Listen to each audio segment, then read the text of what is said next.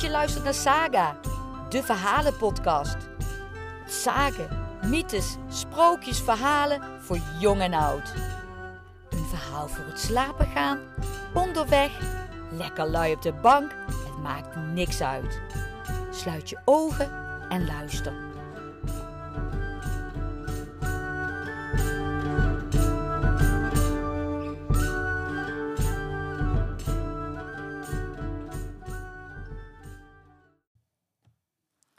Weerwolven. Ehm, volgende verhalen lees ik wat korte verhalen voor over diverse weerwolfverhalen. Een mythologisch figuur die uh, in veel Europese folklore voorkomt. Soms zeggen mensen dat iemand vrijwillig in een weerwolf kon veranderen. En anderen zeiden dat dat ook weer niet vrijwillig was. Dat mensen een pact met de duivel hadden gesloten en op die manier in een weerwolf veranderden. Die met volle maan naar de maan huilde. En uh, op die manier uh, veel ja, dood en verderf verspreiden door een dorp door daar s s'nachts te gaan moorden. Nou, het spreekt heel erg tot de verbeelding tegenwoordig ook. Er zijn veel verhalen en films erover gemaakt, boeken geschreven. Denk bijvoorbeeld ook aan de kinderboeken Dolfje Weerwolfje, die over een heel aardig wolfje gaan. Maar je kunt ze ook veel terugvinden, wat ik al zei, in allerlei films en allerlei horrorverhalen. Ik ga nu een paar korte uh, verhaaltjes voorlezen waar de weerwolf in centraal staat. Uit oude legendes en sages.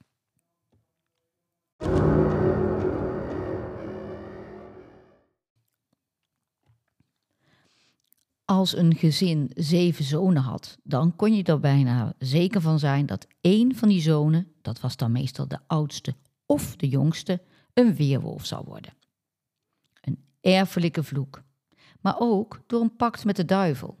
Net zoals heksen dat ook deden. En heksen ook te herkennen waren aan bijvoorbeeld misvormingen. Uh, denk aan een grote neus met een frat erop. Um, zo had een weerwolf dat ook. Want het teken dat kwam van de duivel. Dat waren samengegroeide wenkbrauwen. Mensen dus die samengegroeide wenkbrauwen hadden, die waren dus voorbestemd om weerwolf te zijn. En um, je kan dus in eerste instantie een weerwolf worden door een verbond te sluiten met die duivel. En dan kregen die mensen doorlopende wenkbrauwen. Zo kon de duivel ze makkelijk herkennen.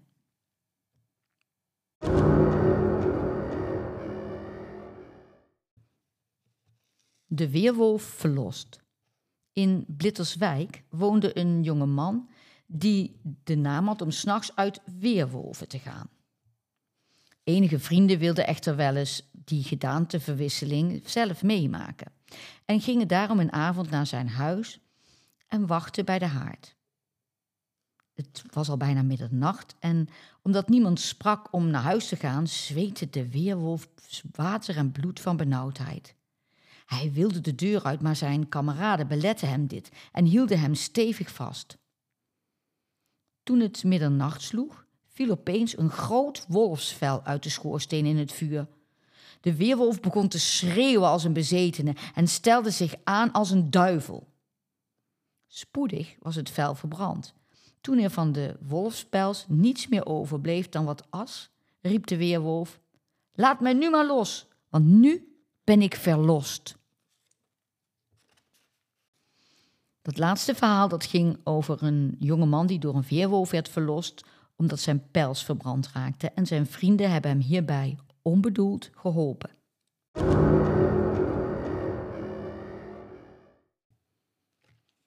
De wraak van de weerwolf. Een jonge man uit Gulpen moest s'avonds bij het naar huis gaan altijd een weerwolf dragen. Dat duurde en bleef duren en hij kon hem maar niet kwijtraken. Op een avond, toen hij weer in de herberg zat, waar hij altijd kwam, bemerkten zijn vrienden dat hij er een beetje mismoedig uitzag. Ze vroegen hem of hij oké was.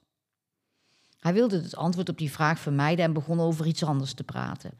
Maar zijn vrienden drongen echter bij hem aan en uiteindelijk kregen ze toch uit hem dat de oorzaak van zijn mismoedigheid een weerwolf was, die hij iedere avond bij het naar huis gaan moest dragen.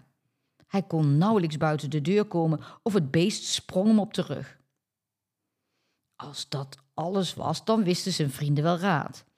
Hij moest s'avonds een mes meenemen en wanneer hij dan een weerwolf moest dragen, dan moest hij hem voor het hoofd slaan en op de plaats waar hij gedoopt was.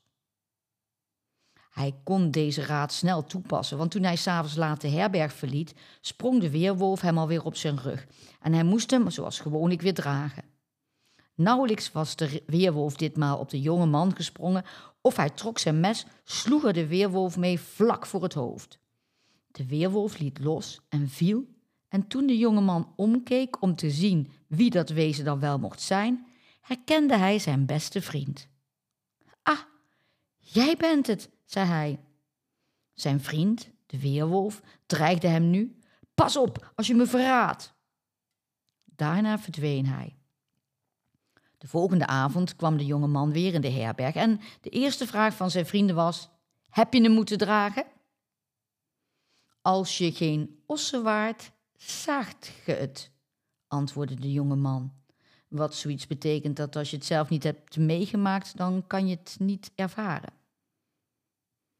Nu wisten zij wie de weerwolf was, want zijn beste vriend zat er ook bij en het litteken aan zijn voorhoofd, dat was heel goed zichtbaar. Al had de jonge man de weerwolf niet rechtstreeks verraden, zo moest hij toch voor zijn zijdelingse toespeling de wraak ondervinden. Dezelfde avond moest hij niet één, maar vijf, zes weerwolven dragen. Nou, dat was op den duur niet meer uit te houden. Ten einde raad nam de jonge man dienst in het leger. En toen beschermde hem het kruis dat de riemen van zijn ransel op zijn rug vormde. Want op dat, tegen dat kruis konden de weerwolven niet tegenop.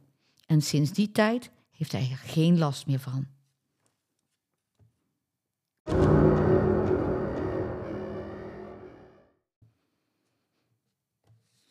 Diep in het afgelegen dorp Eikenbos, dat zijn wortels diep in de dichte bossen aan de rand van de heiderug had, leefde een jonge man genaamd Willem. Willem kwam uit de eeuwenoude familie die al generaties lang verbonden was met het dorp en zijn omringende natuur. Voorafgaand aan zijn transformatie tot weerwolf was Willem een rustige en bedachtzame ziel, bekend om zijn liefde voor de natuur en zijn vermogen om de geheimen van het bos te ontrafelen. Willem bracht zijn dagen door met zwerven door de beboste paden, luisterend naar de verhalen van de wind en observerend hoe de bomen fluisterden met de stemmen van de eeuwen. Hij verzamelde kruiden en ontdekte genezende brouwsels die de dorpelingen hielpen in tijden van ziekte. Zijn band met de natuur was ongeëvenaard en zijn familie stond hoog aangeschreven in Eikenbos vanwege hun diepe connectie met het land. Op een noodlottige nacht, terwijl Willem zich in het hart van het bos waagde, werd hij betoverd door een onzichtbare kracht. Het gehuil van de weerwolf vulde de lucht en Willem onderging een transformatie die zijn leven voor altijd zou veranderen. Zijn familie ontdekte zijn verdwijning en zocht wanhopig naar hem, zich niet bewust van de bovennatuurlijke verandering die hun geliefde zoon onderging. Toen Willems weerwolf-identiteit zich openbaarde, werden zijn familie en de dorpelingen overmand door verbijstering en angst. De eens zo geliefde jonge man werd nu beschouwd als een wezen van zowel duisternis als mysterie. Zijn familie probeerde hem te begrijpen en te helpen, terwijl de dorpelingen bang waren voor de vloek die op hun gemeenschap rustte. De dorpelingen organiseerden bijeenkomsten en rituelen in een poging de vloek te breken. Maar de weerwolf van Eikenbos bleef een ongrijpbaar wezen, gevangen tussen twee werelden.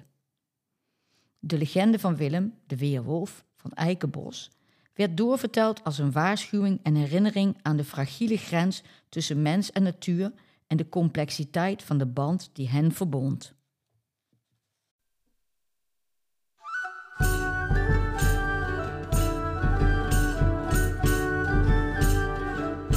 Bedankt voor het luisteren naar Saga.